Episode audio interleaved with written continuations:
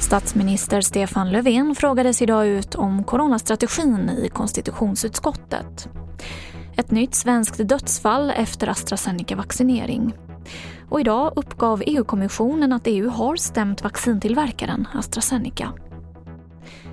TV4-nyheterna börjar med att statsminister Stefan Löfven idag frågades ut i riksdagens konstitutionsutskott, KU, om Sveriges coronahantering.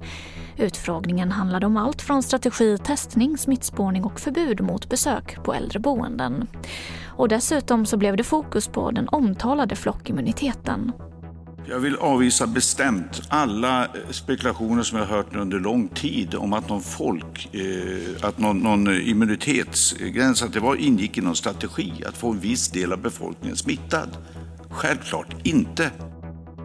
Ett nytt svenskt dödsfall efter AstraZeneca-vaccinering har inträffat i Trollhättan. Det handlar enligt SVT om en kvinna i 70-årsåldern som vaccinerades för två veckor sedan.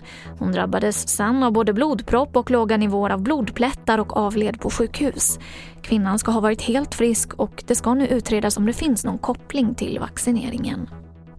Och EU-kommissionen uppgav idag att EU har stämt vaccintillverkaren AstraZeneca. Anledningen är de kraftigt försenade vaccinleveranserna som enligt EU utgör ett kontraktsbrott.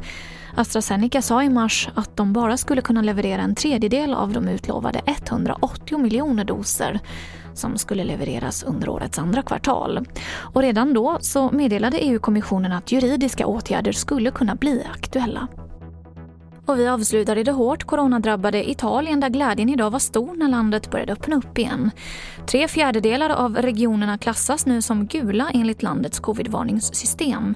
Och det här innebär att restauranger får ha bordsservering utomhus och att biografer och teatrar tillåts ta emot publik. Och det var det senaste från TV4 Nyheterna. Jag heter Emily Olsson.